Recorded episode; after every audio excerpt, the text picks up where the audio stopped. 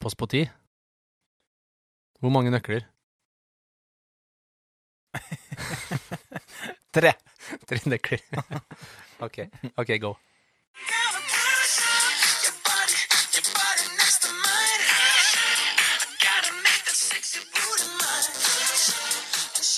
Det ble sjokolade uh, sist gang, og nå er det push-up. Nå er det push-up. Legger jo litt um, i ordet, kanskje, og i sangen. Jeg søkte bare på push-up her på Spotify. Men ja, du vil har sikkert ikke forberedt den så veldig, veldig det er helt riktig. Eh, og den, eh, det handla jo ikke om push-up, som vi skal snakke om, tydeligvis. For hun sang Make that sexy body mine. Ja, Vi trener jo ikke så mye gluteus maximus og setemuskulatur i en pushup. Det skal vi jo snakke om, Tommy Lande, i Ja. dagens episode. Det skal vi. Men aller, aller først, la oss gå eh, en uke tilbake i tid. Ja. Hva har du gjort siden sist? Um, eh, litt forskjellig. Skifta Bleia. Nei, overtatt eh, hytta. Forrige fredag. Ja, du, det så jeg. Den ser fresh ut. Jeg gleder meg til å bli bedt hit. Ja, vi skal invitere dere. Eh, Kanskje ikke med den aller første, få Det- ting på plass. Men ikke men bare over- dere. Kan jeg invitere bare meg òg. Ja, ja, okay. Få ha en liten guttur her òg. Ah, vi kan ha sånn òg? Ja, men eh, ikke dumt. Ikke dumt. Oliver, du og jeg. Åh, tres miserable. Men uh, ja, videre. Helga. Eh, Da delte jeg og Pernille oss. Hun får opp på hytta og gjør masse ting å fikse og rydde og vaske og sette opp ting osv. Så, videre. så hun får dit. Jeg hadde Oliver og både lørdag og søndag, så da var jeg i, eh, i Oslo. Er det, først, er det første gang du har vært med han alene i to dager? Uh, ja, Ja. det er det. Sånn artig. Det gikk egentlig ganske bra. Det var trivelig. Benytta meg jo av barnepassen på Myres, da, sånn at jeg fikk jeg kjørt en liten økt både Ja, ja, på lørdag og søndag. Men sånn er det jo. Så da fikk jeg, mm, fikk jeg gjort noe greier der. Men jeg bytta gulv. Vi var jo så fornøyd med Oliver sitt, eh, sitt gulv, så da måtte vi få gulv både på stua og på Kjørte full pakke, dere. Full pakke. Fantastisk eh, bra jobba av eh, arbeiderne, altså. De var skikkelig skikkelig flinke. Men så var det jo litt sånne her greier. Jeg måtte jo rydde. Du vet når du må ta bort ting fra et rom, og så har du ganske mye, så må du ta det bort til et annet rom. Og så skulle du legge gulv på det rommet der, og så måtte du ta det tilbake igjen. Og så måtte du ta det som var der, på det andre, og så videre. Ja. Så det var, var mye greier. Men eh, Høres det ble bra. høres ut som en sånn eh, logistikkøvelse som du har på disse konkurransene. Norges tøffeste og sånn. Flytte Ja. dekk og Må tenke litt, faktisk. Ja. Ja. Og det, var ikke så, det var ikke så mye tenking, egentlig. Mest, eh, mest arbeid. Flytt på ting. Så det, og Det kler deg. så Arbeid uten tenkning. Ja, det er det jeg er best på. Slipp å tenke så mye. Det er helt magisk. Og så er vi jo på en torsdag eh, nå. For vi spiller jo inn eh, da, i stedet for eh, på mandag, som vi vanligvis gjør. Jeg har Vi har spilt inn Eller ting i AFPT har blitt eh, oppdatert. Så treningslære 1 og 2 bevegelighet i praksis. Så det er blitt oppdatert, og da ser vi at det er litt for mye mismatch mellom det som eh, er da blitt oppdatert nytt ut til studentene, Ja. og de videoene som ligger ute, som vi var og. Samsvarer ikke helt de gamle videoene med det nye. Nei, det Så gjør ikke da det. har du fått lov å stå foran kameraet, da. Åh, det, det, det er kanskje det mest slitsomme jeg gjør. Jeg føler meg nesten helt knekt. Litt sånn overkjørt av en trailer. Det føles ut som at jeg har en sånn muntlig eksamen som pågår i seks-sju timer, tre dager på rad. Så du er jo så kokt i hodet etterpå, for du- du skal være så skjerpa og så fokusert. Du skal liksom ikke si noe feil, du skal jo stokke ordene riktig. Så det, det er krevende. altså. Du vet jo hvordan det er. Ja, ja. Jeg har faktisk vært med på det sjøl. Ja. Ikke nå, da. Men det jeg er mest spent på der, nå som du har filma på nytt igjen Greide du nå å telle riktig og starte med tommelen når du telte igjen? Eller teller du fortsatt én med pekefingeren? Det tror jeg aldri kommer til å lære meg. Jeg tror ikke det. Jeg fortsatt Så jeg kan fortsatt vise det her til studentene jeg underviser. Se nå på Tommy Lande hvordan han teller så vakkert der oppe på Ja. veggen. Og så viser jeg videoen av at du teller. Ja, Du kan det. Glimrende. Så um, vi ble jo ikke i nærheten av ferdig, da. Så det kommer til å være flere dager, enten i neste uke eller uka etter. Og så tar jo Markus og Benjamin òg og eh, en del av det. Så det er helt supert at vi kan fordele. For tre dager, det er ganske tøft. Um, da har vi vært på Eir trening i Fredrikstad. Ordentlig shout-out eh, til den plassen der, altså. Er det mest fordi at eh, du, du hadde en fan der? Nei, ikke altså, Det var kjempetrivelig å, å møte henne, da. Det var litt eh, Både jeg og hun ble Vi ble like flau begge to, tror jeg. Og litt sånn uh, pinlig berørt. Men det var, det var super Du eh, er glad i Tommy. Lande? Ja, og glad i henne. Glad i Eire trening. Fantastisk bra treningssenter. Så fresht og stort. Har du vært der? Nei, jeg har ikke det, dessverre. Jeg har møtt uh, Roger. Ja. Vinje prata med han om det også. Mm. Og Mats jobber vel der? Ja, Mats Holm. Mm. Mm. Så um, Nei, det var eh, kjempe, kjempeimponert. Både over de folkene som var der, veldig trivelige, joviale folk. Ser de har helse i fokus. Så har de ulike rom, og så er det jo litt sånn up, up the game med håndklær og rituals, såpe og I Fredrikstad? Ja. For jeg tenkte det kan det bli noe annet enn jovialt i Fredrikstad, vet du. Jeg tenkte Du, det ser er du ikke på. Kompani Lauritzen eh, tropp 1, eller? Tenker du på han uh, Rasat? Rasat? Han som var rekord 2000 meter på 3000 meter? Det er klart jeg gjør det. Jeg tror et par ganger der jeg, der jeg grein, faktisk. Jeg, jeg, jeg flira så mye at jeg grein. Både at han sa der, og den her at han var glad at han ikke var en grevling. For da slapp han å gå, gå under de der eh, hindrene så ofte. Så det var nei, fin, fin, morsom fyr. Ja, Ja. type det der. Norge har blitt eh, ganske glad i han eh, de siste Ja, jeg var på Lindmo her, så jeg. Ja, jeg har ikke sett episoden. Funny. Funny. Enn du, da? Fortell, fortell. Skal du vite hva jeg har gjort siden sist? Ja. Trommevirvel. Jeg har jobba. Jeg har undervist. Ja, artig. Igjen. Ja da. Eh, Elaine Bloom og jeg hadde en todagers workshop for nesten 60 personlige trenere i SATS Oi. i helga som var. Hadde de noe sånn, var det noe, forskjell, nei, noe spesielt event? De Nei, men de har jo ulike kurs, Ja, så bra. så man kan melde seg på. Og så hadde de da leid inn oss for å ha dette, eller denne workshopen her. To dager. Det var så To mange fulle som dager. 60, ja. Ja, Nesten 60 stykker, Så så, det var bra, bra interesse rundt det. Det var supergøy. Første gang Elaine og jeg eh, fikk stå på scenen sammen, som vi kaller det. Hey. Eller undervise, da. Ja, men dere elsker å stå på scenen begge to, da. Ja, det gikk, jo veldig bra. Jeg tror vi begge to lurte litt på hvordan skal det her gå. To stykker som har skravletøy så mye Jeg vet ikke om jeg er i orden, men uh, som går, går løpsk. Ja, ja. Men det funka superbra, altså. Så nå gleder jeg meg til å undervise sammen med Elaine igjen til helga. Ja. ja men fantastisk, det her uh, bransjen vi er i, så. Det er så mange muligheter. Så mange muligheter, altså. Så nei, det var kult, og ikke minst gøy når jeg prøvde å få 60 Peter til å gjøre hode, skulder, kne og tå samtidig. Ja. Hvorfor gjorde du det? Nei, vi trengte Vi hadde snakka om det med tilstandsstyring og hvordan man endrer mindset. Vi har snakka om dette før, ikke sant? Hva som skjer. Og så begynte vi å bli trøtte og sånn. Så jeg bare satt på hode, skulder, kne og tå fra Pudding-TV, heter det. Så går Ah, ja. det fortere og fortere. Ja, ja, ja, ja. ja. Og da var det noen som var veldig med, og noen som du så var uh, veldig konkurransedrevne. Så de eh, Da var det om å gjøre det så fort som mulig. Og så Mhm. var det noen som ikke syntes dette var like gøy, som sto med armene i kors og ja, lot være, rett og slett. ja. Sånn er det. Folk er forskjellige. Folk er forskjellige, og det er greit, altså. Ja. Nei, så det, det er vel det jeg har gjort sånn annet enn å jobbe, tror jeg. Jeg har jo hatt farsdag, da. Ja, farsdag. Jeg hadde jo livet, mm, livets første farsdag. Ja, altså du er jo ikke far til live, du. Å, morsom. morsom. Nei da. Ja, hvordan var det, Tommy, for deg? Fordi jeg har jo opplevd dette her før. Ja, nei, det var ikke så mye Jeg sa jo at eh, jeg var alene. Så, Ja, stemmer det. Ja. Så Pernille kom Det var ikke litt meninga å strø salt i det såret der. nei, nei, men jeg var ikke sånn så, så lenge alene. Pernille kom vel i to-tre-tida utpå ettermiddagen fra, fra hytta. Eh, så da gikk vi en tur opp på åpent bakeri, og så tok jeg et skolebrød og en kaffe og litt sånn. Satt der. Fikk en gave og fint kort og Nei, jeg syns det var Det er veldig hyggelig, ass. Jeg Ja. feira farsdag på lørdag, jeg. Å ja. Ja, for Alva var borte. Ida var jo deltaker på det kurset jeg holdt. ja. Jeg ser du har fått et fint armbånd. Jeg fikk et nytt armbånd av Alva som det står pappa på. Det andre ble ødelagt i Thailand. Koselig. Så fikk jeg sokker, som seg hør og bør når du er pappa. Mm. Og vent litt, hvis du hører på nå, eh, Marit Kolby, så fikk jeg smørboks til å ha smør på benken.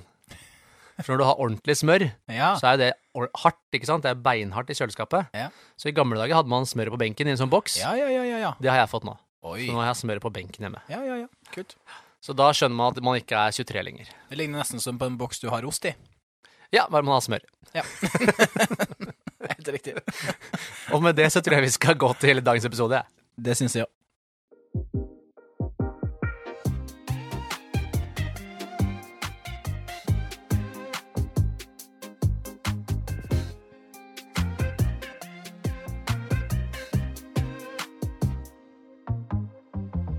Hei og velkommen til podkasten Litt for personlig trener. Her sitter Alex og Nynna og dan danser. Men eh, det er fortsatt eh, Alexander og Tommy som eh, driver denne podkasten her. Vi har ikke bytta, oss, eh, ut oss sjøl ennå. Det digge med å drive egen podkast, at vi kan velge sjøl. ja. Så det er jo vi som må bytte oss selv ut. ja, og så lytterne, de har jo et valg. Det er jo ikke sånn at vi tvinger de til å høre på oss. Nei. Bortsett fra én, da. Som ligger lenka fast. Nei, Hva, hva det er for noe? jeg veit ikke. Nei. Det var noen bokstaver som kom løpende her. Ja, hele alfabetet. Ja, ja da, ok. Vi, Pushups. eh, Ja, pushups er dagens tema. Ja, Uh, vi har jo hatt pullups tidligere, så det her er vel andre episoden hvor vi så spesifikt går inn på kun én øvelse. ja. Men det er, jo, det er jo en kjent og kjær eh, øvelse for, eh, for veldig mange, eller for de aller fleste. Man har jo litt erfaring enten fra gutterommet og pushups og situps, sånn som vi har hatt. Mm. Det man eh, trodde at man skulle bli stor og svær og sterk og muskuløs av pushups og situps, så gjorde det en eller to ganger i uka, så ble man drittlei, så gjorde man akkurat det samme representantallet hver gang, som gjorde at du fikk det samme som du har hatt Ja. og fått. Så det, mm, sånn er det jo. Noen liker øvelsen, og andre kan ikke fordra den. Ja, sånn er det, og bare sånn for å sette rammene her, så snakker vi da om øvelsen armhevninger, kalles det på norsk. Hvor man da Er det armhevninger eller Arm. armhevinger? Uff, godt spørsmål. Armhevinger, kanskje. Ja, jeg tror det Det Hevning. tror-. Nei, det er ikke noe Nei. Det er ikke Det er bra du arresterer med den der, Tommy. Vær så god. Men eh, da øvelsen da man skal eh, holde en eh, horisontal kropp, på- står på strake armer på tær eller på knær, og presser seg opp fra bakken. Ja. Eller først ned, og så opp igjen, da. Kanskje et dårlig bilde. Det er ikke så mange som kanskje ikke vet hva en pushup er. Nei, jeg vil tro de fleste veit hva det er. Og veldig mange har et forhold til det, som du sier. Mm. Og derfor så møter jeg ofte mennesker i jobben som, som PT som sier at de hater den forbanna øvelsen pushups. Ja. Fordi de ikke har opplevd noe mestring med det tidligere. Yes. Jeg tror mestring legger Det er ganske viktig her. Jeg tror det, altså. Og da er det sånn Nei, pushups er ikke noe for meg. Jeg tror Mm. ikke Jeg kommer aldri til å klare en pushups.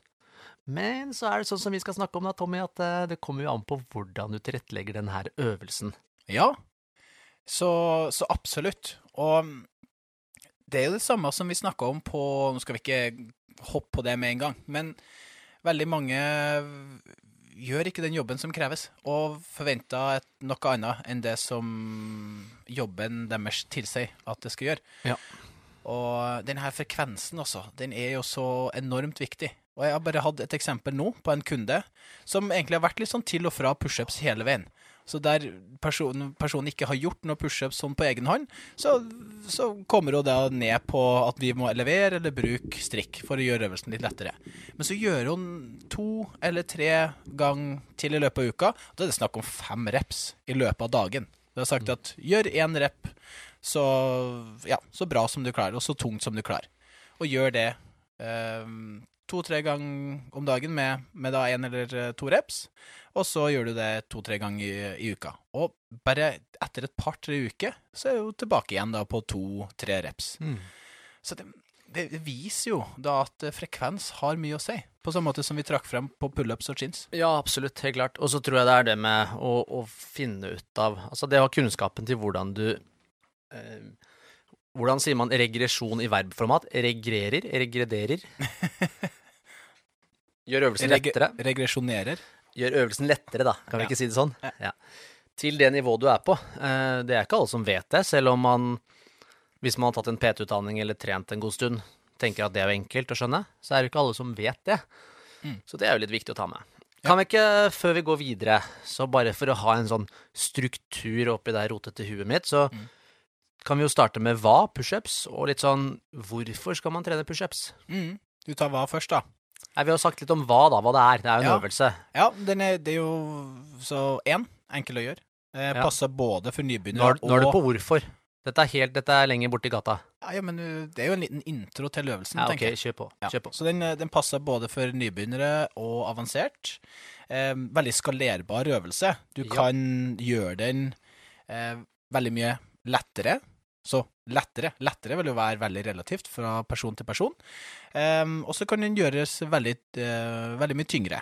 Ja. For å da skal uh, øke belastning og kanskje få representantallet til å være litt, uh, litt lavere. Kan gjøres enkelt og simpelt, og kan gjøres ganske klønete og vanskelig. Ja. Ja. riktig. Den passer i mange ulike økter. Den passer jo ofte både i sånn kroppsvekstøkt, kanskje i sirkeltreningsøkt. Veldig lett å gjøre. Lett å gjøre hjemme. Lett, Lett tilgjengelig, kan vi si. Ja, det òg. Eh, og så kan du òg bruke den i en styrkeøkt. Så det, det er jo på en måte en øvelse som passer inn i litt, ja, det aller meste. Det nå, fikk jeg, nå fikk jeg sånn TV-shop-reklame for meg her.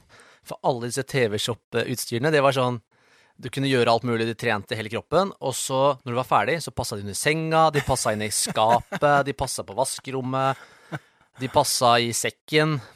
Tenk deg pushups, da. Den Mm. passer overalt der du er, den, Tommy. Ja, så Den passer i senga, den passer i sofaen når du spiller podkast. Den passer overalt.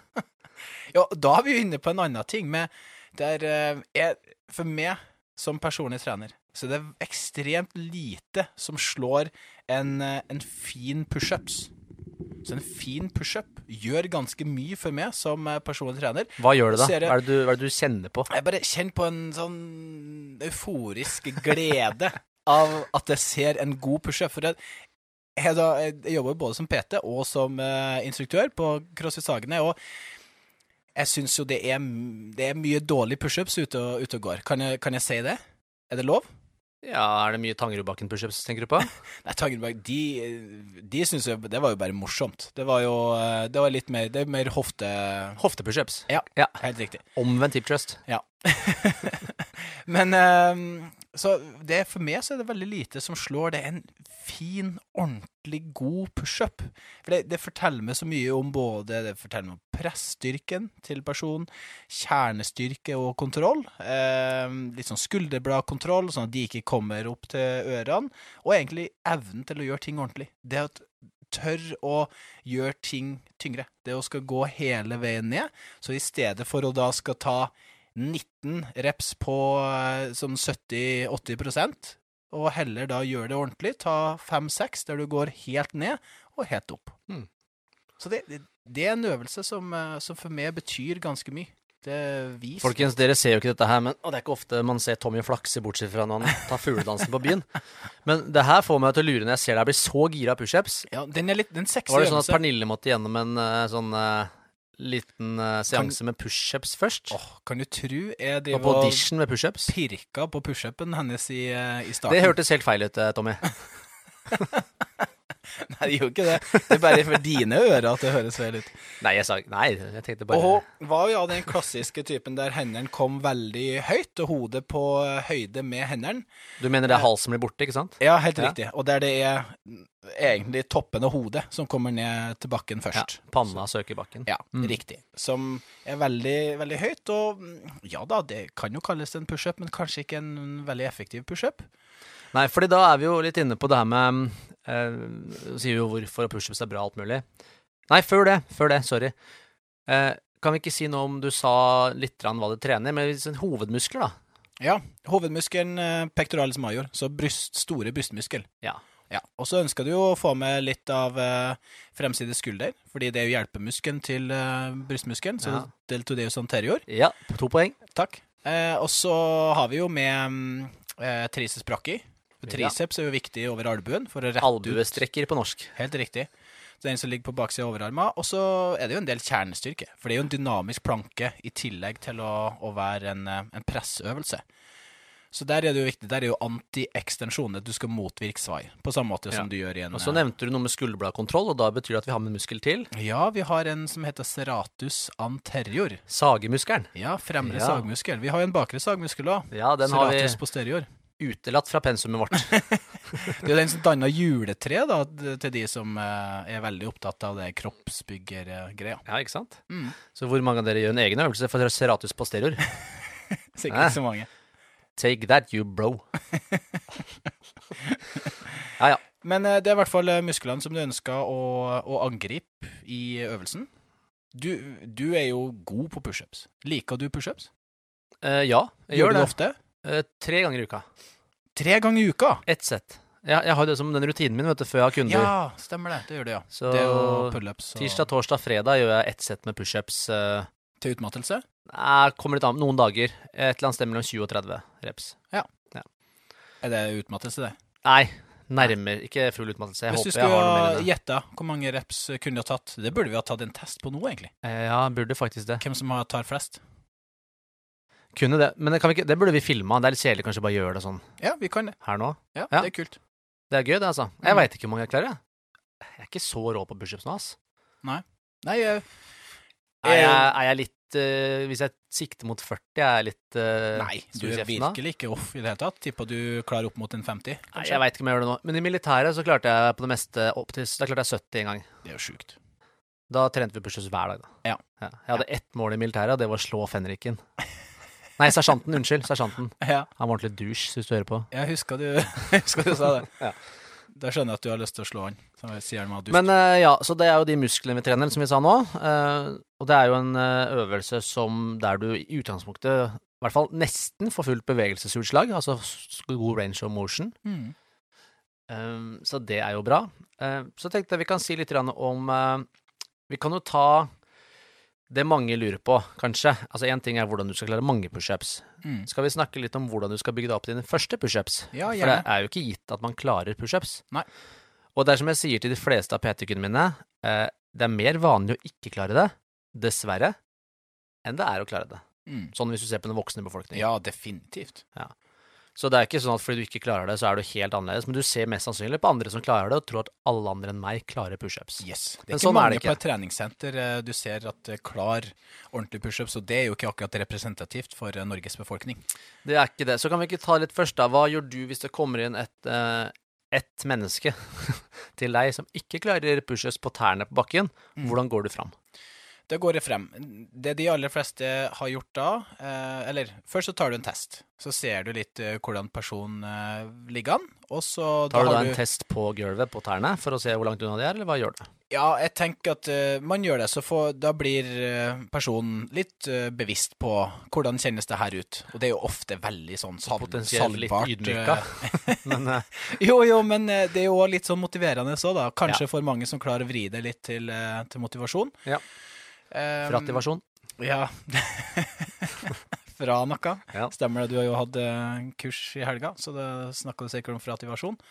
Men eh, det, få en test. Eh, egentlig både litt på bakken, for å få de til å bli bevisst på hvordan kjennes det her ut. Mm. Og så er det jo lett å få resultater på den, for du bare gjør det hyppigere. Så da vil man fort kjenne, kjenne fremgang og forskjell når man har fått testa på hvordan, det hvordan tingenes tilstand er der. Og så velge testen med litt, litt høyde. Og så finne ut hvilken høyde personen Du sier litt høyde, bare sånn for at vi skal Ja. vite hva du snakker om. Litt høyde, hva mener du da? Nei, det vil være Kanskje starta med Det kommer helt an på nivå, men starta med stanga rundt hofta, og så ser jeg litt uh, hva Jeg vil, ha, jeg vil forklare bildet du har i hodet ditt. Hva, Hvilken stang, hva gjør du med den stanga? Ja, sånn, ja. Jeg kan bruke en benk, men jeg bruker ofte en, en stang. For nå er det jo sånn, i hvert fall inne hos oss, så er det lett å da skal justere stanga opp og ned. Ja, så stanga i knebøyrack, for eksempel. Ja. Og så tar du armene, var det jeg ville fram til, på den stanga. Ja, sånn, ja. Ja. Det er med. Jeg tror de Eh, fleste vet det, men det er ikke sikkert alle vet det. Nei. Så da finner jeg en, eh, en gitt høyde, hvor jeg ser at personen klarer mellom tre til fem repetisjoner, der de går helt ned og Mm. helt opp, og egentlig har kontroll. brystet kontroll. skal touche stanga. Ja. Ja. Og der de har kanskje én til to reps eh, å gå på før utmattelse. Så at jeg ser at de har, har god kontroll, sånn at man ikke når teknisk eh, failure. For der er vi inne på en ting som jeg har lyst til å si med en gang. For jeg har bruker jo akkurat samme approach som du har. Mm. Akkurat det samme. Tester, finner ut av hvilken høyde de klarer tre til fem. Vi er jo på maksstyrke nå. Mm. Hvis målet er å klare én med kroppsvekt. i Yes. utgangspunktet. Så da, samme som vi sa på pullup, så må man ikke være redd for å trene tungt. Mm. Altså det vil si med tung nok belastning, så du klarer få repetisjoner, da. Yep.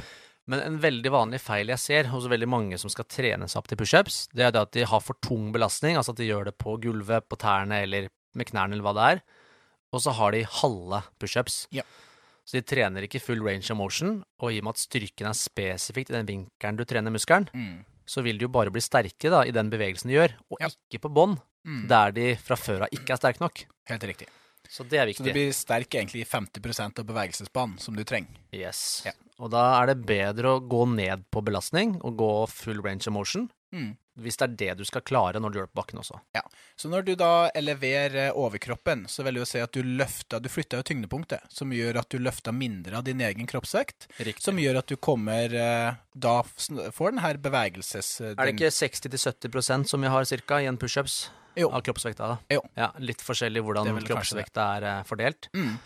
men i hvert fall mener jeg det jeg har lest. Ja. Så for, for de aller, aller fleste så vil jo det være mer gunstig kanskje enn å skal gå ned på For folk vet om pushups på tær, eller så er det pushups på knær. Det er de to alternativene eh, veldig ofte. Og det å skal ta pushups på tær er jo kjempekrevende, som vi snakka om. Og så veldig plutselig, når man går ned på knær, så vil det ikke stilles like store krav til kjernemuskulaturen, ikke like store krav til, eh, til brystmuskulatur og forside skulder og bakside overarm. Så på den måten så tar man kanskje 10-11-12 reps, helt ned, helt opp. Og da blir overfør, eller overførselen da til eh, til den ene reppen som man skal klare på bakken. Det blir såpass stort avvik og stor forskjell mellom 10-11-12 reps og den ene.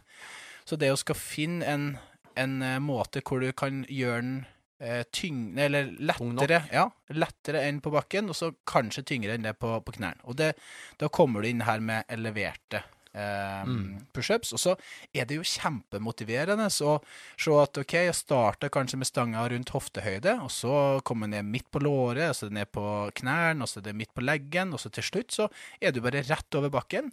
Og det har jeg merka så mange ganger med, med kunder, at det er egentlig ikke så mye som skal til. Det er jo bare kontinuitet over, over tid, da. Ja. Egentlig også ha en plan på det. Det at du øker belastninga. Ja. Hvis du tenker deg Jeg også bruker knebelracket som vi har, eller den riggen på Myres veldig ofte. Mm. Og hvor mange centimeter er det mellom hvert tak? Er det typ fem centimeter eller noe sånt? Ja, jeg er veldig dårlig på centimeter. Ja, altså det som er fem centimeter her, det tror jeg er 20, så det er sånn sett så De gutta er litt skrudd der. Ja, vi er det. Men det er noe sånt, da. Og da kan man jo ta den gradvis ned, ikke sant? Og da kan du ha, som jeg snakka om tidligere, det som vi kaller for dobbel progresjon. Mm. Det er ikke sikkert du klarer å senke den stanga hver eneste økt, men la oss si du klarte fire forrige gang, så klarer du fem nå, så klarer du kanskje seks, og så senker du nettaket igjen. Yes, kjempebra. Eh, lite, jeg må skyte inn én ting her, for vi snakker nå om at det blir for stort spenn mellom det å trene på ti reps og klare én rep. Mm. Det er jo en viss sammenheng mellom at det å trene på ti reps sier at så kan du få muskelen til å vokse, så det vil si at potensialet for kraft er jo til stede. Ja. Eh, og så kan det være gunstig hvis du har noen som ikke har trent så mye før, som skal lære seg teknikken. Det å Mm. gå på kjempetung belastning og fire reps er kanskje ikke det mest gunstige. Nei. Så da kanskje man kan ligge 68 rep med å ha noen reps i reserve, Ja. hvor de får trent litt mer på bevegelsen. Mm. Eh, Da går det helt fint. Eller eventuelt ti reps, og så gradvis gå ned på antall repetisjoner og øke belastningen. Mm. Så man nærmer seg spesifikt det man ønsker å bli god på. Helt enig. Og så har man jo et uh, alternativ til, som jeg har blitt bare mer og mer glad i, at jeg ikke tenkte på det her for fem-seks år tilbake. Så pushups med strikk. Det å skal Ja. feste et strikk over det, Mm. ta strikket rundt, uh, rundt livet, og der får du jo hjelp. I den, eh, I den fasen der du er svakest, så helt i bunn og rundt eh, 90 grader i, eh, i skulderleddet. Um, Så det er bare sånn. Så da har du et strikk festa i en pullup-bar, f.eks. ja, over, Over. Så fester du den strikken rundt livet, Mm, og så steller du opp i pushes-posisjon på bakken. Og når du kommer ned mot bakken, så vil den strikken strekkes ut mer og mer. Ja. Så du får mest hjelp der du er svakest, rett og slett. Ja. I bunnposisjon. Eller der belastninga er størst, kan vi si. Ja, helt riktig. Og da får du jo trent på det du skal ta en pushup på bakken. Så det, da vil du ha den her, fortsatt ha den her horisontale posisjonen som du vil ha da når du skal ta din første eh, pushup eh, på bakken. Og bare få kjent på det, men så avlasta strikket det litt sånn som du snakka om, at desto lenger ned du går, desto mer hjelp vil du få. Og desto lenger opp du kommer, desto mindre hjelp vil du få. Og så har du jo ulik eh, grad av styrke i de her eh, strikkene. Du kan jo ha et lilla som er tykkere, og så har du et sort som er enda litt eh, tynnere, og så har du et rødt strikk, og så har du til slutt et gult strikk, som gir det veldig lite hjelp eh, til slutt. Som Mm. blir veldig likt da en eh, Og så har du til slutt en eh, beige strikk, som er de små vi skøyt når vi var små, som er veldig tynne. Det er enda tynnere strikk. li, Ja, Lissa. Lisa? Lissa. Lissa. Jeg vet ikke hvilken lisse du bruker. Du har sånne On Cloud-sko. Ja, men du husker jo sånn Lisse som Ja, ja, snørte jeg husker det. Ja. Eh, Jeg tenkte på når du sier dette her, bare viktig å påpeke, selv om det kan virke selvsagt, hvis du skal henge opp et strikk og du skal ha progresjon, Mm. så er det jo viktig at den strikken henger på samme høyde. Det er riktig. Altså Det er jo forskjell på hvor mye den strikken strekkes ut. Ja. Så der er det ikke alltid folk tenker over det. De tenker ja, strikk, henger den opp, og så har de tatt en lettere strikk, men høyere opp eller lenger ned. Altså, ja. Ja. Så det er viktig å tenke på, da. Helt uh, enig. Men uh, for, for veldig mange så er det ganske nytt, det med strikken. Så det, det anbefaler jeg å, å, å teste. Du sitter der med å rekke opp hånda, faktisk. Jeg ble veldig ivrig nå, kjente. Ja, Og så ville jeg ikke avbryte, så jeg rakk opp hånda. Ja, ja, du skal få lov til å Det er bare oss to her, men ja, Lov til å si replikk, eller? et spørsmål Ok. og svar fra meg hvis ikke du kan. Ja. La oss si du går fra lilla strikk til svart strikk. Svart er litt tynnere. Ja. Uh, lilla, det er for lett. Svart er for tungt. Hva gjør du? Go. Hva gjør du? Ja. Hva du sa at lilla var for, Den ene strikken er for, for tung. lett? Ja, Ja. Den er for lett. Ja, Den andre også. er for tung. Ja. Hvordan kan du finne mellomting? Tar den på lavere høyde. Hvis du ikke har mulighet til det, da. Eh, da kan du tvinne den flere ganger rundt. Ja. Og så kan du faktisk også da ta den strikken som du hadde fra før, som egentlig er for lett, Mm. men legge en liten vekt på ryggen. Ja, ja, ja, ja, ja. Ok. Ja, men da begynner vi å involvere enda et moment her. ja, som men man må kan ta gjøre det for å tenke progresjon. Ja, ja, ja. Jeg bare prøver å være kreativ. Det er ikke alltid at det er det beste, og kanskje den hopper av og Mm. Men hvor, da, men hvor bør vi det legge er da- Det er jo en ting, da. Hvor bør Du- vi legge vekta hen? du bør ha en løpesekk som sitter stramt på ryggen, Ja. som du har vektskiva oppi, så den Ja. ligger på, så ikke den driver og flytter. Vekta bør jo ligge så nærme altså, skuldrene som mulig. Mm. Det leddet vi belaster. Veldig mange, mange, legger legger- I korsryggen. Ja. Ja. Og da får du utfordra kjernemuskulaturen litt mer. Men Ja. det er jo kanskje ikke der vi ønsker at den begrensende, begrensende faktoren skal være. Nope. Nope. Ja. Ok, så da har vi jo snakka i hvert fall litt om dette her, og så sier vi at for å da trene opp din første pushups, så er det da å holde frekvensen oppe. Da snakker vi to, minimum to ganger i uka, kanskje helst tre. Ja. Eh, tre eller én til fem-seks reps, Mm. noe sånn rundt der. Syns det. Mm. Og da, da Vi har jo nå snakka om dynamisk, der du jobber ned og opp. Mm. Andre måter å uh, få ned progressive overload på? Ja, eller- du kan jo kjøre eksentrisk, som vi prata om på pullups. Ja. Eh, bremsene. Jeg er som sagt ingen fan av ren eksentrisk og kun, fordi du skal jo trene muskelens evne til å skape kraft òg, trekke seg sammen. Så du bør trene fasen opp, altså den konsentriske fasen, som vi kaller det. Ja, men hvis at du da ligger på det at du, du klarer pushups på nederste høyde, Ja. og så klarer du ikke pushups på bakken helt ned, Mm. da kan jo det, og, eller at du er på ferie Det å skal få den her Få nok belastning på den ene eller de to du skal Mm. klare, Ja. så er jo det Da får du litt mer time and attention. Um, så når du har da kontroll Og så føler jeg at det er en fin øvelse for egentlig litt sånn teknikkterping. Du føler, du- ja, jeg føler det. Ja. Jeg har i hvert fall erfart det. Ja. At uh, jeg merker at folk, når du har litt mer kontroll på veien ned, så føler jeg at du klarer å kontrollere skulderbladene på en bra måte, albuene kommer eh, i korrekt Mm. posisjon. Så jeg, jeg syns det er en, en fin måte. Men selvfølgelig, du må jo ha både eksentrisk og konsentrisk fase. Nei, men jeg er ikke uenig i det. Altså Det å kontrollere den eksentriske fasen gjør at det kan være lettere å komme i posisjon for å skape kraft i den konsentriske igjen. Så Definitivt. Jeg er ikke uenig med det landet. Nei, nei. Men å få det inn litt eh, av og til kan være, være fint. Som Ja. litt variasjon, og vi liker litt variasjon. Spesielt, ja. Det liker vi. Ja. Ok, Hvis vi tar det steget videre da, fra en person som klarer pushes på tærne, eh, er keen på å bli sterkere fordi man nå begynner å få til en god del reps på Mm. bakken, hva gjør vi da? Vi har litt eh, valgmuligheter der òg. For det første så kan du jo eh, kan du jo heve, eller elevere beina, i stedet for at du da eleverer eh, hendene på, Mm. og overkroppen. På, hvis det skal bli lettere, så kan du da elevere beina. Ja, og hva. Får du litt mer prosentandel av kroppsvekta på hendene? Ja. Hva vil skje dersom vi hever beina ganske mye og høyere opp, da? Det er akkurat det. Og da blir det jo mer en, en handstand pushups-versjon. Ja, eller ja. en pike, eller en pike pushup. Fins noe imellom der òg? Ja, det, det gjør det. Men eh, da vil jo belastninga kanskje gå enda litt mer på skuldre. Så vi Ja. ønsker jo at eh, den store brystmuskelen, det er hovedmuskelen. Ja, hvis det er det som er eh, hvis, Ja, hvis du skal gjøre en ren pushups, men det er klart at uh, hever du beina litt, så vil det fortsatt være mye, veldig mye brystmuskulatur. Ja. Det er først når du begynner å få en litt sånn stupevinkel på kroppen, mm. at du nærmer deg mer og mer skuldre og lite bryst, da. Ja, Så tyngdepunktet vil jo nå bli mer over arbeidende ledd og arbeidende muskulatur. Ja. Uh, så belastninga vil jo da bli større. Og så nevnte vi jo det med å ha vekt på ryggen og strikk. Vi kan jo bare ta bort strikken og bruke vekta. Ja, det, Det, kan funker vi. jo. Mm. Det er litt sånn klønete når man er aleine, spesielt når man skal ha Jeg husker det var en periode hvor jeg trente mye på det her. Og så står man da på Du ser for deg du står på alle fire på knærne, ikke sant? Mhm. På alle fire. Og så legger du først da en eh, ti kilo på ryggen. Og så legger du en eh, fem kilo. Fordi man hadde ikke 15 på den tida. Det hørtes Mm. teit, men la oss si at det var sånn. Og så legger du en 2,5 oppå der, og så 1,25 på toppen igjen. Stemmer det. Og så skal du prøve å få deg til å balansere, og så skal du gjøre pushups. Mm. Og så har du ikke på deg sko. Og så detter alle vektskivene oppå tærne dine. Og så står du på isen, og så har du egentlig på deg skøyter. Nei, men eh, det der er jo en eh, klassiker, da. Men, men kanskje å spørre eh, folk på treningssenteret om det kan hjelpe det litt. Det, Det går an. Men du merker hvis du har gjort det med kunder, så må du ofte holde vektskiva Mm. der oppe, fordi at når du står med tærne på bakken, så har du en liten skrå vinkel, Ja. så den vil ofte skli litt ned. Hvis ikke du har på deg en singlet med bar rygg og er veldig svett, Mm. da sitter den fast. riktig. Ja. Men det er òg en liten sånn bevisstgjøringsøvelse, for mange kan jo dette litt ned med hofta. Så hvis den begynner å skli liksom for, for mye, så Mm. kan det være en OK, kanskje vi må jobbe med å få hofta litt, eh, litt høyere. Men jeg har en annen ting på akkurat det der. Ja. Eh, I lang, lang tid så har jeg gjort uh, den, eh, den der versjonen av den. Ja. Men så har du jo en annen versjon der du kan bruke et vektbelte, Mhm. og der du kan elevere både overkropp og bein, som gjør at du kommer opp fra underlaget.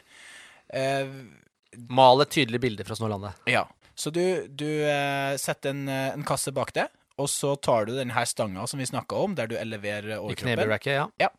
Eh, så tar du hendene på stanga først, og så tar, går du først opp med én fot på, på boksen, og så tar du den andre foten på boksen. Herifra så har du et vektbelte rundt livet eh, med da ekstra belastning. Og det er jo det her det lille tricky med denne øvelsen. Det er jo det at du får vektbeltet nede mm. på uh, hofta, som gjør at du drar uh, ryggen ned. Så du har jo lyst til å få uh, litt mer av belastning oppe ved skulderbladene dine. Men du kan jo prøve å få vektbeltet til å henge ganske høyt. Mm. Så der kan du jo henge da vektskive i vektbeltet, som gjør at det da skaper mer, mer motstand. Der har jeg en løsning hvis du har to vektbelter, Ja. som jeg har prøvd. OK? Så jeg har hengt vektbeltet, det ene, vi har to på myren, så jeg har hengt én skrått over skulderen og under andre skulderen. Sånn Rambo-aktig? og så har jeg tatt den andre over, så det blir kryss, Ja. og så har jeg én vekt i hvert. Ja. Eller så har jeg samla bare, da. Ja, ja. okay. Der hadde jo, Husker du Børge Fagerli på Optimal trening? Når vi var der, så hadde Ja. han sånn eget sånn eh, ja, ja, ja, ja. Som han kledde på seg på en måte som en vest. Ja. Og så hadde han da sånn at vekta hang rundt brystet, og så Mhm. er det en kjetting rundt vektene, og så henger jo da vektene ned. Ikke sant? Så det blir jo At de har kjøpt den der? ja, Har du sett den? Nei, men Børge hadde den der, husker jeg. Ja. Både han og Sigvar Ja. Garfors trente jo masse med den, og de ble jo grisesterke. Jeg husker Sigvar og kjørte med noen 70 kilo eller noe. Ja. ja, men jeg kjørte masse av det der. Det var min som pushups-periode. Da skulle, var det om å gjøre skulle få Ja, jeg husker mulig. jo vi kjørte det masse Ja, På den blå stanga. på den blå stanga Mm. i Pure Nei, Pure, ikke Pure Pure, Motion. Motion. nei. Nei, det var en annen greier. Blue Motion? Nei, ikke det heller. Kanskje, kanskje Blue Motion. Nei, det var noe Pure et eller annet, tror jeg. Ja. Men uh, der har du i hvert fall en, uh, Så en det, det går an, ja. Uh, og så kan man jo bruke strikken omvendt. Yes. Altså, hvis du ha har hendene på strikken. hendene Ta strikken på den ene hånda, og så rundt ryggen og skulderbladene. Mm. Over på den andre hånda, så du har strikken under begge hendene. Så når Mm. du presser opp, så jobber du imot strikken. Mm. Så da blir det minst motstand i bånn, Ja. og tyngst på toppen der motstand egentlig avtar. Ja. Så da er det en veldig fin måned å trene på. Både eksplosivitet, hvis du Mm. skal gjøre det, men også tyngre belastning. Ja. Clapping pushup. Gjør du noe, har du gjort noe? Jeg husker det på optimal trening, når vi holdt på med Altså tilbake til calisthenics-tiden. Ja. Da kjørte man jo tre klapp. Du pusher opp, Ja. klapper foran, bak, foran, og så ned igjen. Ja. Og så hadde man den her eh, som Ahmed var med på nede i Japan, eller det var Kina, hvor var han var? Ja, det var noe Var det. Japan Gameshow? Ja. Han satt verdensrekord i uh, Superman pushup. Stemmer det. Opp på sånne steppkasser, Ja. ulike nivå. Du skulle presse deg opp og hoppe opp, så du landa med armer og bein oppå steppkasser som var på siden av deg. Ja. Vi også gjorde det på noen Ja, sånne kurs. det var noe Men eh, nei, så det, du kan jo gjøre det, og da er man inne på Altså, hvis du har armene på steppkasser, Mm. eller på to manualer, så kan du øke range of motion, altså enda større strekk. Yes. Da vil det også bli tyngre. mm. Absolutt. Eh, enarms pushups. Da blir det veldig mye tyngre. ja, det, ja. Ja, og Det- du hadde vel noen sånn fancy show-off enarms pushes på omvendt kettlebell? Omvendt kettlebell og ikke- kettlebell oppå der igjen nå. Var det ikke det vi Hæ? ja, jeg tror jeg hadde Det var mye sjuke greier der. Du hadde en kettlebell som sto en kettlebell som sto opp ned, med håndtaket ned på bakken, Ja. og så hadde du en kettlebell oppå den kettlebellen Jeg tror det var noe sånt òg. Ja, det er toppen av dumskap, har du vært igjennom. Ja, Ja. ja. toppen av sirkus òg. Men vi holdt jo på med de greiene der. Jeg Ja, det husker du elska jo pushups i den der slynga på optimal trening, Ja, ja, ja, som var med sånn Pure trinse. Var det pure motion, Ja, ja? pure motion. Ja, Mm. Den som bevegde seg, som var så ustabil. Ja. Den elska du jo. Ja, ja, ja. Gjorde mye av den. Jeg Husker gjorde det. mye pushups i T-rex, fordi det måtte jeg jo, når man het T-rex. Ja. Nei, T-rexene spiste jo på armene mine, så det gadd jeg ikke. Ja, men det jeg syntes var fett. Ja, Så når jeg holdt kurs, så sa jeg det er litt kult, du får T-rex-sår på armene etterpå. OK. Um, bra. Andre ting eh, sånn uh, pushups Men vi kan jo si litt om det når vi er inne på det. Nå sitter vi og ler av det, og sånn, så er det kanskje noen som tenker sånn Ja, men er ikke det bra, da? Gjøre pushups i ringer, eller pushups i slynge, ja, eller bra. Kan du snakke litt om det, kanskje? Mm. Ja. Hva tenkte du? Jeg må bare rape inni meg. Æsj. Unnskyld for det, jeg drakk kaffe, jeg vet ikke. Tenkte jeg ikke skulle ha på mikrofon. Mange som drikker kaffe uten å måtte rape. Ja, og jeg også pleier å gjøre det, men nå måtte jeg det. Ja, OK. Hva jeg tenker? Jeg tenker at uh, alt kan ha sin plass uh, så lenge du vet hvorfor. Eh, Men uh, altså, Men, da har jeg tatt bort alt jeg sa i stad. Det jeg tenker, er at jeg gjør mindre av det nå enn før. Mm. Og grunnen til det er nok fordi at jeg ikke ser den samme gevinsten som jeg gjorde. Jeg tenkte at dette var the holy grail. Ja. Veldig fint å trene pushups på både ustabilt underlag eller slynger og sånne ting når det kommer til å trene opp stabilitet i skuldre. Mm. Superfint. Hatt masse kunder med ulike problemer med skuldre som gradvis har progrediert oss til pushups f.eks. i ringer eller i slynge og sånn. Mm. Kjempefint. Du blir ganske stabil av det. Mm. Så støttemuskulaturen får virkelig jobba. Rotatorcuffen og sånne ting. Mm. Så da syns jeg det er fint. Ja. Skal du jobbe med ren kraftutvikling på et stabilt underlag sånn ellers, altså type ja, dytte fra deg, eller om du er hypertrofi du er ute etter, så tenker jeg at du kanskje får mer enn av å kjøre pushups på stabilt underlag. Ja. Både hypertrofi og maksimal styrke, kanskje. Ja, Enig. Men, eh, men at det er fint, og hvis folk syns det er gøy, ja, men for all del. Jeg kjørte mye i den periode, og jeg ble ganske sterk i skuldrene når jeg kjørte både dips og pushups i ringer. Ja. Så det er en øvelse jeg har kanskje har gjort veldig lite i siste, men egentlig veldig fin. Nei, jeg er helt enig. Jeg har ikke gjort det noe særlig de siste årene, men jeg huska jo med Red Corden og med alt mulig av slynge og pure motion og ringer og hele pakka. Det var jo det som var, var kult. Så det er jo fordi at jeg liker oh, fikk- alt mulig. Nå fikk jeg tidenes bilde. Tommy, du gjorde pushups i red cord og pure motion. Du hadde på deg svart MXDC kompresjonstøy, overdel Nei, og underdel. Det hadde du. Du var med på reklamen på det der greiene. Ja, men og det var jo bare på sånn. reklamen. Ja, ja. Jeg har Står ikke brukt det sånn ellers til å Og jeg hang i T-rexen med full skins-outfit. og five fingers. Hvor har vi vært? Hvor vi har vært. Ja. Verden rundt i treningsbransjen. Sant.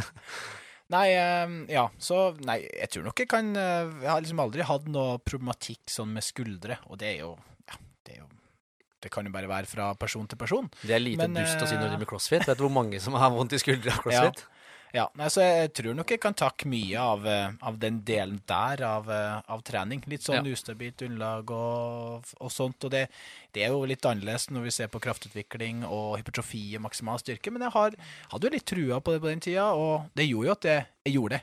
Mm. For det var ikke like sexy da å skulle ta um, pushups på bakken. Og da, snakk, da tenkte vi jo ikke så mye på ekstra belastning, legg på, på ryggen. Da skulle man jo bare ja, ikke nødvendigvis gjør det som er mest optimalt, men gjør det som så litt kult ut. Ja, og man skal ikke kimse av at ting er gøy, for at Nei. man skal gidde å gjøre det. Ok, så da har vi snakka litt om det å være nybegynner og skulle få til pushups. Det å på en måte gjøre det tyngre hvis du er viderekommen.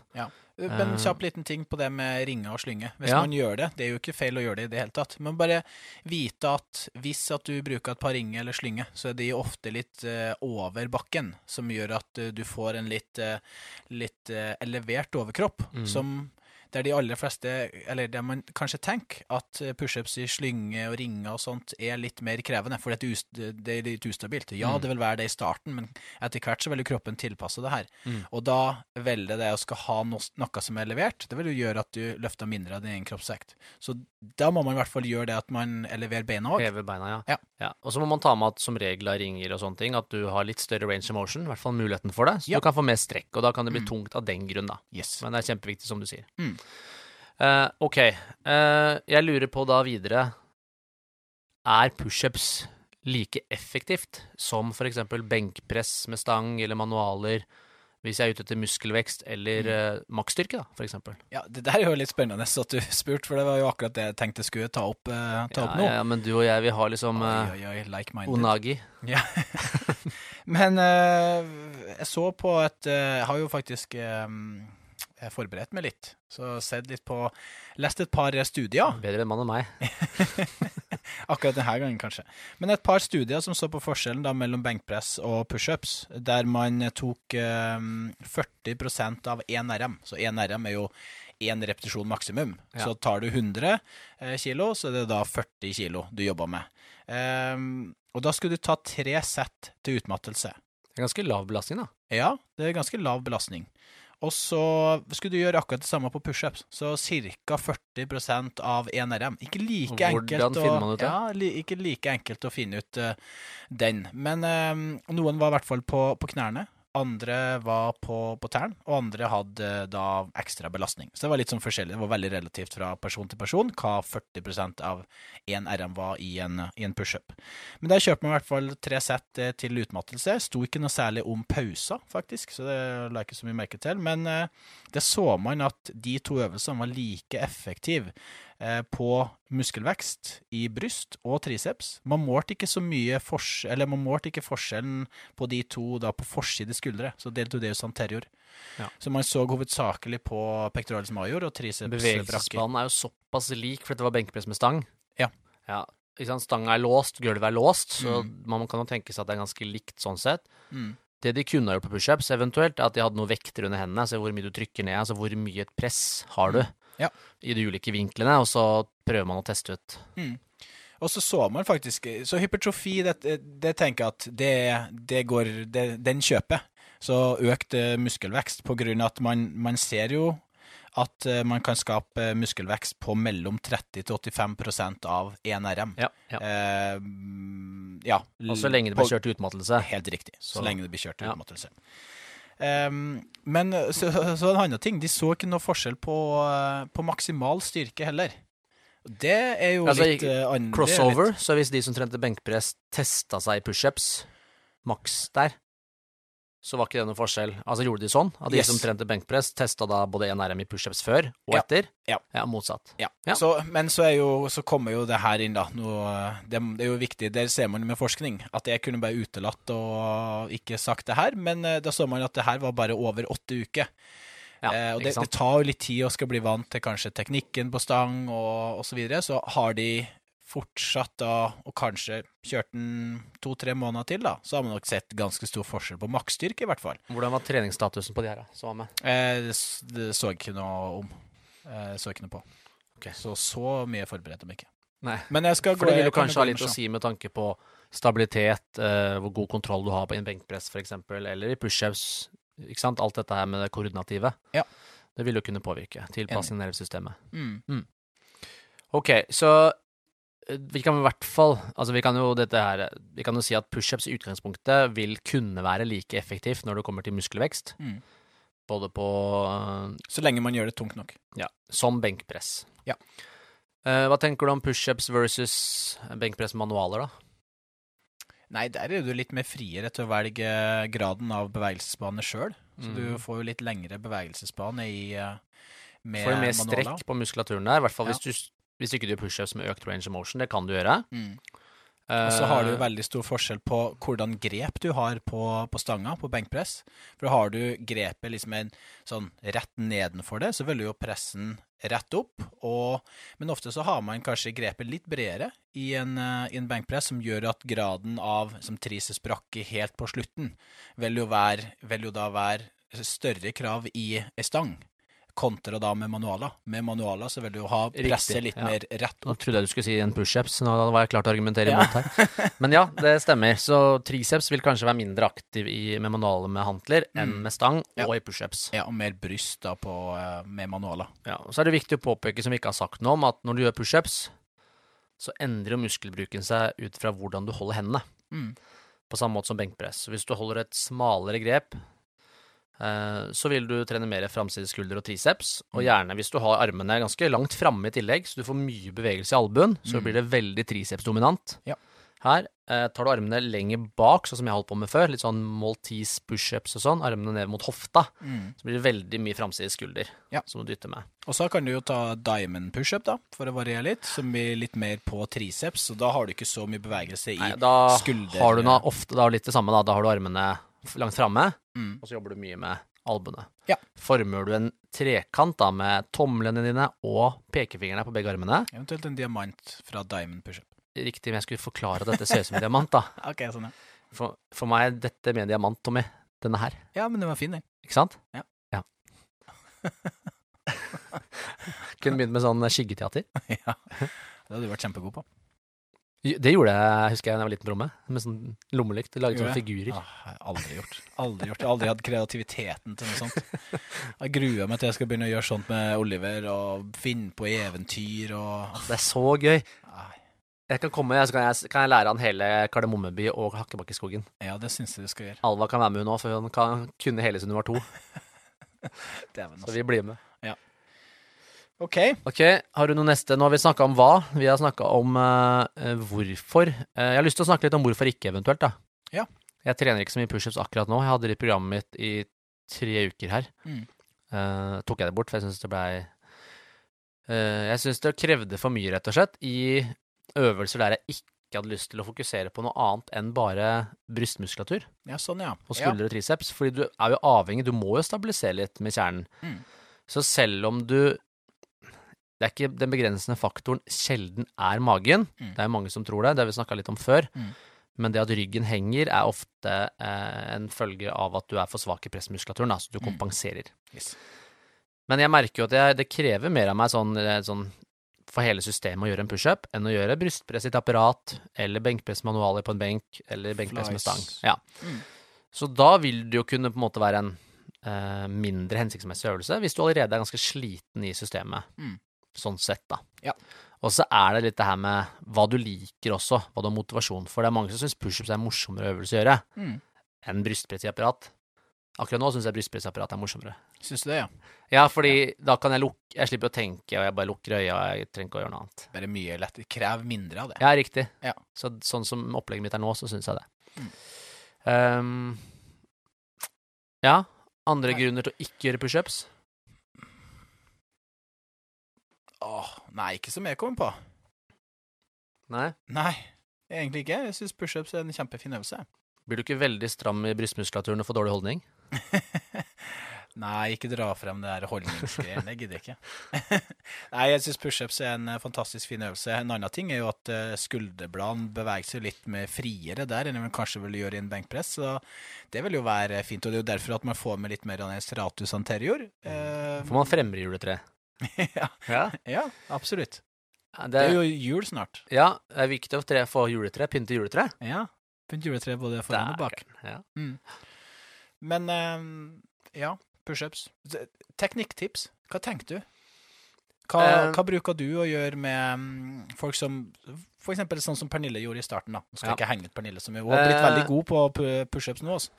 Men eh, det å skal klare å få hendene litt lavere, kroppen litt mer foran, albuen er litt mer sånn skrått. En, en morsom diskusjon, eller morsom syns jeg, som jeg ofte har både i benkepress og pushups med noen studenter, gjerne de som har trent mye, Mm. fordi jeg er veldig det på at ja, men latsen er jo med her. Latsen er med. Latissimus dorsi, den store ryggmuskelen, eller brede ryggmuskelen.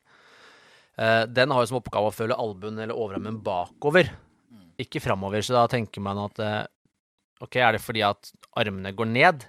Men det er ikke derfor. De tenker ikke på bremsefasen, for det er jo samme muskler som presser opp og ned Yes. men de har lært ulike cues, f.eks. at de skal knekke stanga. Mm. Og dette handler jo om å stabilisere skulderleddet, som gjør at krafta går i én gitt retning hele veien, i stedet for at du vingler med albuene. Ja. Og det å bruke det som et cue, f.eks. i pushups, på samme måte som i knebøy, så har jeg noen ganger sagt at tenk at du står på et stykke papir, og så skal du rive det papiret i to. Skal dra det utover, sånn at du på en måte deler det fra deg, sånn at du Mm. blir litt mer stabil. Det kan du på en måte tenke i pushups òg, at du skal dele gulvet under deg. Mm. Du skal vri litt ut, og da kommer albuene litt mer mot kroppen. Mm.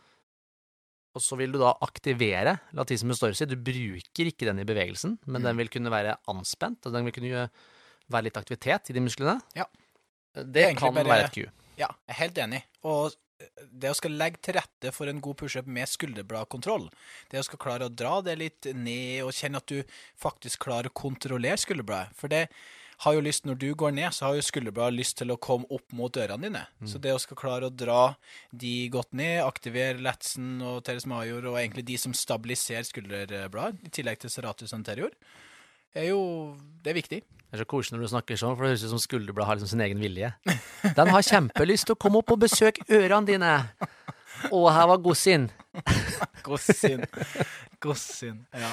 Men jeg er enig. Jeg hender det at du gjør type Seratus eh, pushups, altså sånn, eller pushups pluss, eller hva vi kalte det før. Ja. Skulderblad pushups, hvor du bare jobber med bevegelse av skulderblad for å få ja, kontroll. Skapel og pusher. Ja, det var mange uh, forskjellige navn på den. Em, både, ja, det er kanskje litt som en sånn oppvarming, bevisstgjøring. Litt det samme som på roing, da. Sittende roing, at man kanskje jobber med bevisstgjøring av ok, f- få, hvordan beveger jeg skulderblad uavhengig av skulderledd, Ja. hvis man ønsker det. Ja.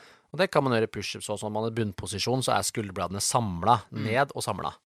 Riktig. Så det er ikke noe bøy i albuen og ikke noe bevegelse i skulderleddet i det hele tatt. Og ikke å besøke øra. Nei, Nei. helst ikke. Uh, nei, det er en ting. Um, så en sånn finurlig eh, måte å lære seg det her òg på Instagram her om dagen. Det er, jeg, jeg har egentlig gått videre, eller gått videre på Instagram, så jeg følger jo nesten bare fagpersoner om dagen. Det er nesten det eneste jeg ser. Anser du meg masse- som fagperson Eh, ja. på Instagram, altså? Ja, ja, du legger jo ut noen da. Men eh, over til poenget mitt.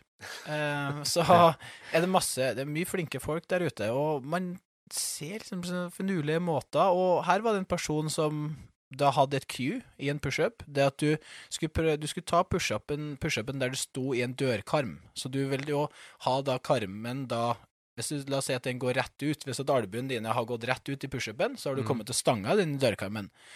Um, men så var det da at du skulle få albuen litt sånn skrått bakover, så ikke ut i den karmen. Du sto ganske tett innpå den. Uh, og det, det gjorde liksom en sånn der um, cue.